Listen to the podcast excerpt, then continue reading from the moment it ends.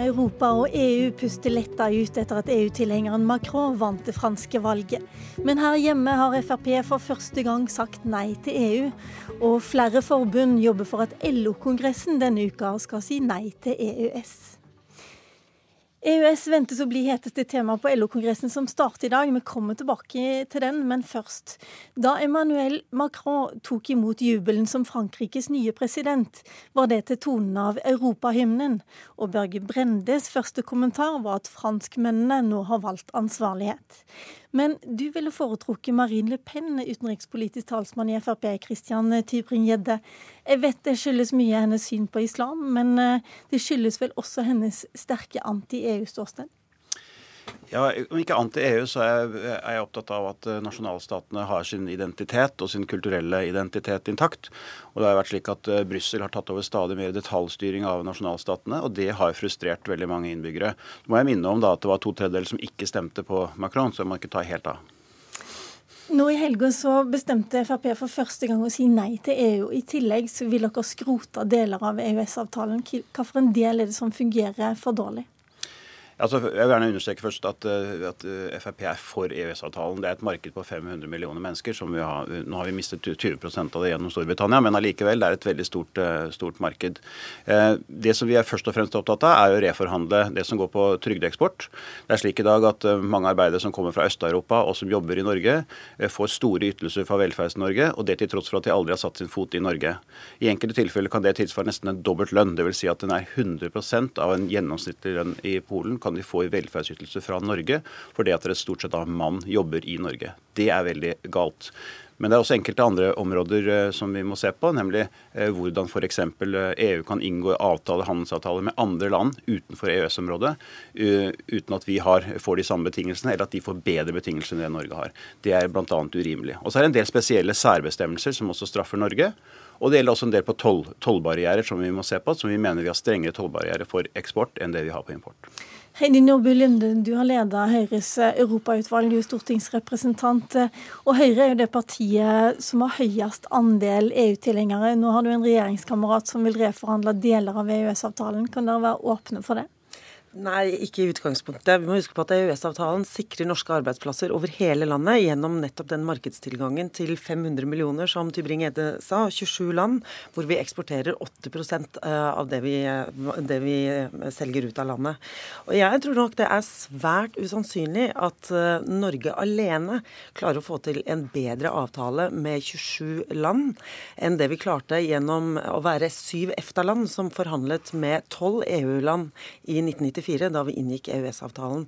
Så jeg er veldig glad for at uh, Frp i hvert fall sier at de står for en EØS-avtale. Og så er jeg glad for å tilhøre et parti, og det eneste partiet med et veldig klart ja-standpunkt til EU-Norge. For når vi er klar over hvor viktig EØS-avtalen er, uh, er, for Norge, så syns jeg det er underlig at man ikke vil være en del og sikre nettopp det fellesskapet. Men altså, denne EØS-avtalen er jo på en måte ikke Frp for, da, i og med at dere vil reforhandle deler av den, sånn som jeg forstår Tybring-Gjedde. Men er det mulig å plukke ut liksom en liten del og tenke at ja, resten skal vi beholde, men dette her, akkurat den delen er vi misfornøyd med? Det som går på trygdeeksport, tror jeg er en stor forståelse for. og Det tror jeg også Høyre har stor forståelse for. Men jeg tror også andre land som er relativt rike land i Europa, har også en, uh, reagert på dette. Og det er nødt til å få utjevning på det. Og du, i likhet med mange av Le Pens velgere, og mange som også stemte for brexit, har reagert på arbeidsinnvandringens uh, konsekvenser? Ja, jeg tror det er ett punkt som ikke man har tenkt så veldig mye på. Det er at når man mottar eh, veldig mange arbeidsinnvandrere, f.eks. fra Øst-Europa, som vi har gjort, så vil de på et eller annet tidspunkt reise tilbake. Når vi fjerner trygdeeksporten, så vil selvfølgelig mange reise tilbake ganske raskt, tror jeg. for at da vil de jo bare ha lønn å leve for, og ikke en dobbel lønn gjennom velferdsoverføringer. Men den dagen, den dagen de reiser hjem, så vil kompetansen som de hadde og tilførte Norge, forsvinne. Og eh, da opplæringen for yrkesfag i Norge går ned, og du har ikke de nødvendige eh, arbeiderne du trenger også etter at de reiser hjem. Det er et dilemma som jeg ikke mener er diskutert tilstrekkelig nok. Men du ser nå at eh, Teresa May har jo ikke akkurat blitt eh, ønska varmt velkommen i det siste når hun skal reforhandle eller forhandle nå fram en ny avtale med Storbritannia. Er det noen grunn til å tro at eh, EU vil se vennligere på oss hvis vi kommer med en EØS-avtale? Jeg tror EU e ønsker rettferdighet. Og det vi er ute etter, er å få like rammebetingelser. Vi mener at det er enkelte områder hvor vi ikke har de samme rammebetingelsene. Det er enkelte reguleringer som er tatt som, som har konkurranseulemper for Norge. Og det mener jeg er helt naturlig at Norge får de samme muligheter som andre land. Eh, vi skal ikke reforhandle hele EØS-avtalen, det ville være en umulighet. Og da ville vi ikke få gjennomslag for mye.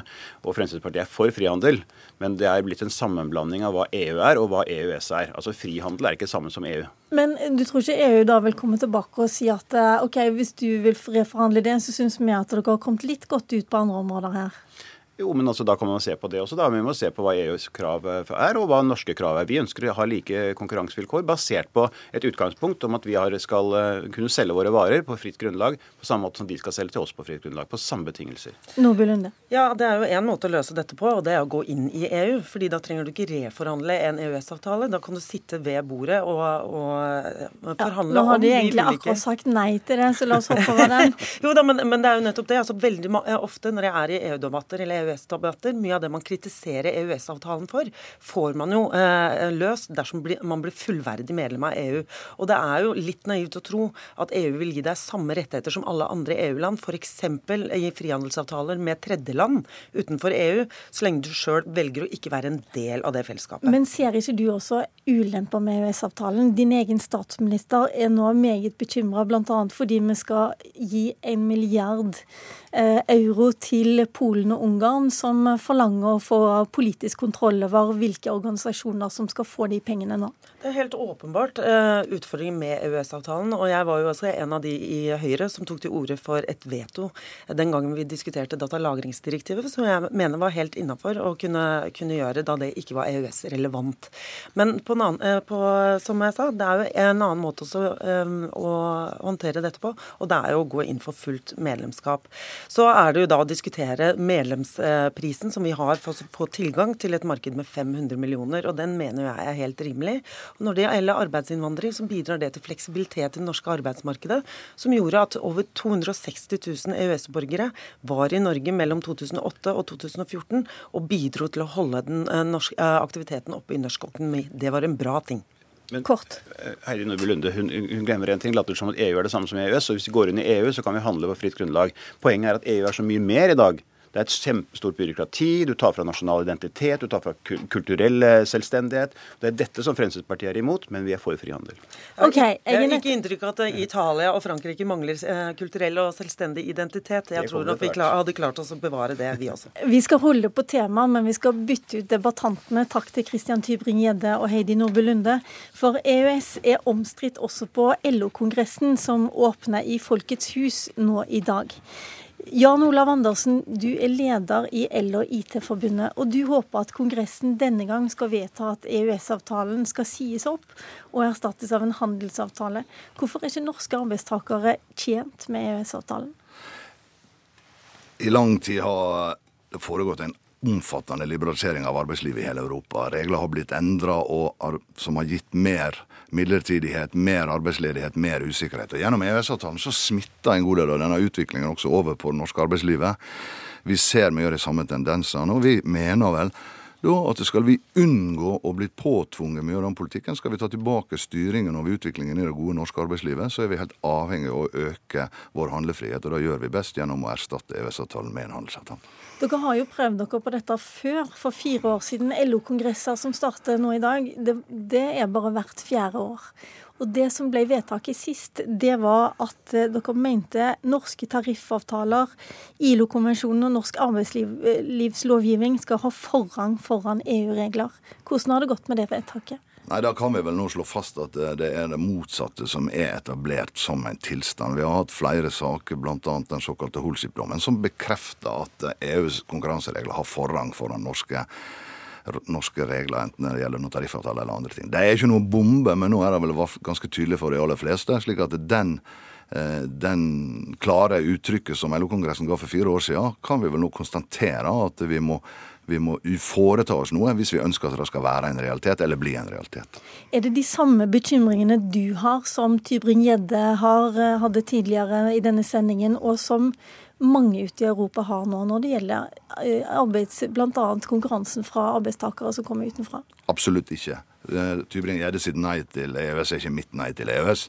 Uh, Tybring-Gjedde sin Han sier vel ikke nei, da, men deler, til, deler nei, av EØS? men Vi er ikke noen motstandere av arbeidsinnvandring. Og vi vet at Norge har trengt og kommer til å trenge arbeidskraft fra andre land som kommer hit og, og jobber. Det vi er opptatt av, er at det ikke skal føre til sosial dumping.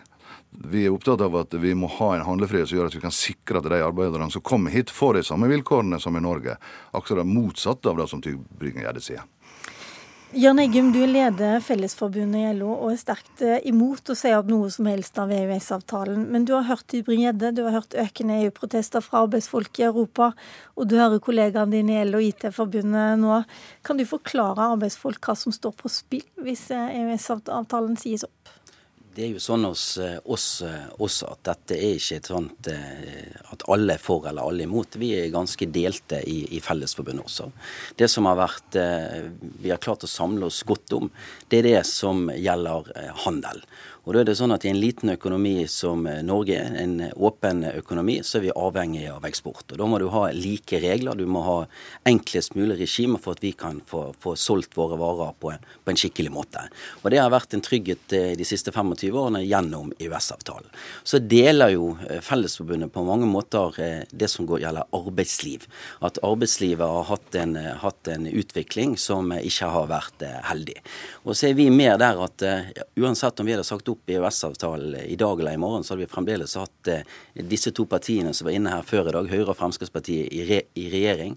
Og de ville ført akkurat den samme politikken om vi var med i hadde EØS-avtalen eller ikke. Så det vi kan gjøre hjemme her, eh, kan vi gjøre langt mer enn det vi gjør i dag for å regulere arbeidslivet på en sånn måte at vi kan slippe eh, alt det vi ser av usosiale forhold og sosial dumping på arbeidsplassene. Men når du sier at dere eh, på en måte har eh, begge syn representert også i Fellesforbundet, betyr det at det ikke er så farlig for deg om disse tre-fire forbundene og flere lokalforbund også får viljen sin når LO nå sier nei til EØS? Nei, altså vi, når det gjelder oss, så har vi en eh, masse medlemmer som jobber i, i industrien, som har eh, Europa som sitt hovedmarked. Og så organiserer vi også eh, byggeplasser, de som, eh, som eh, jobber med bygg. Og de har jo et innenlands marked som har merket det mer på det som vil være arbeidslivet i, i hverdagen. Men hvis vi skulle ha sagt nei til EØS-avtalen på LO-kongressen, så ville det gjort det problematisk for LO LO også. Eh, da ville LO på mange måter ha vært, eh, vært satt på sidelinjen. På, for på Stortinget så er det flertall for, for å ha EØS-avtalen eh, som sin handelsavtale, sin avtale med Europa. Er, det, skal mye til. De som kjenner LO-kongressen sier at det skal mye til for at det blir flertall faktisk for å si opp en EØS-avtale. Men det er andre som foreslår at man skal bruke de neste fire, neste fire årene på å utrede alternativer til EØS-avtalen. Er det en mer realistisk måte å gå fram på, Andersen? Nå tror jeg både Jørn og meg skal forhandle om disse spørsmålene i redaksjonskomiteen på Kongressen. Vårt utgangspunkt er eh, vårt forslag om å si opp EØS-avtalen. Så får vi nå se hvor vi ender i løpet av denne uka her. Vi har nå en god tradisjon for å forhandle oss fram til løsninger som vi kan stå bak, men vi får nå se. Vi har vårt utgangspunkt. Dette er jo en gjenganger på LO-kongressen. EU og EØS har jo vært omstridt eh, like lenge som eh, det norske folk ellers har diskutert det. Men er det sånn at, er det sånn at brexit, eh, franske valget, påvirker LO-medlemmene mer, sånn at det blir mer hit tema i år? Det er vanskelig å si. Jeg er ikke sikker på om de overslagene er så sterke. Men det er klart at du har fått en utvikling i Europa der, der avstanden mellom en elite og, og på mange måter folket er blitt så stor at du får den type bevegelser. Og Det er jo en farlig utvikling hvis det er ytre høyre som får lov å dominere den misnøyen som, eh, som ligger der. Er det en avstand dere kjenner på også? Nei, Jeg føler vel ikke at det bildet står like sterkt i Norge på noe som vi ser i en del andre land. sånn at jeg er ikke akkurat så redd for, for det her i Norge. Men det er veldig viktig at det ikke er det ytre høyre sine løsninger som blir svaret på den elitismen som ligger i EU. Det er Venstre sin utfordring å finne mye bedre løsninger. Ok, takk. Vi må si takk til dere begge to, Jan Egum og Jan Olav, Jan Olav Andersen, og lykke til på LO-kongressen. Mitt navn er Lilla Sølhusvik.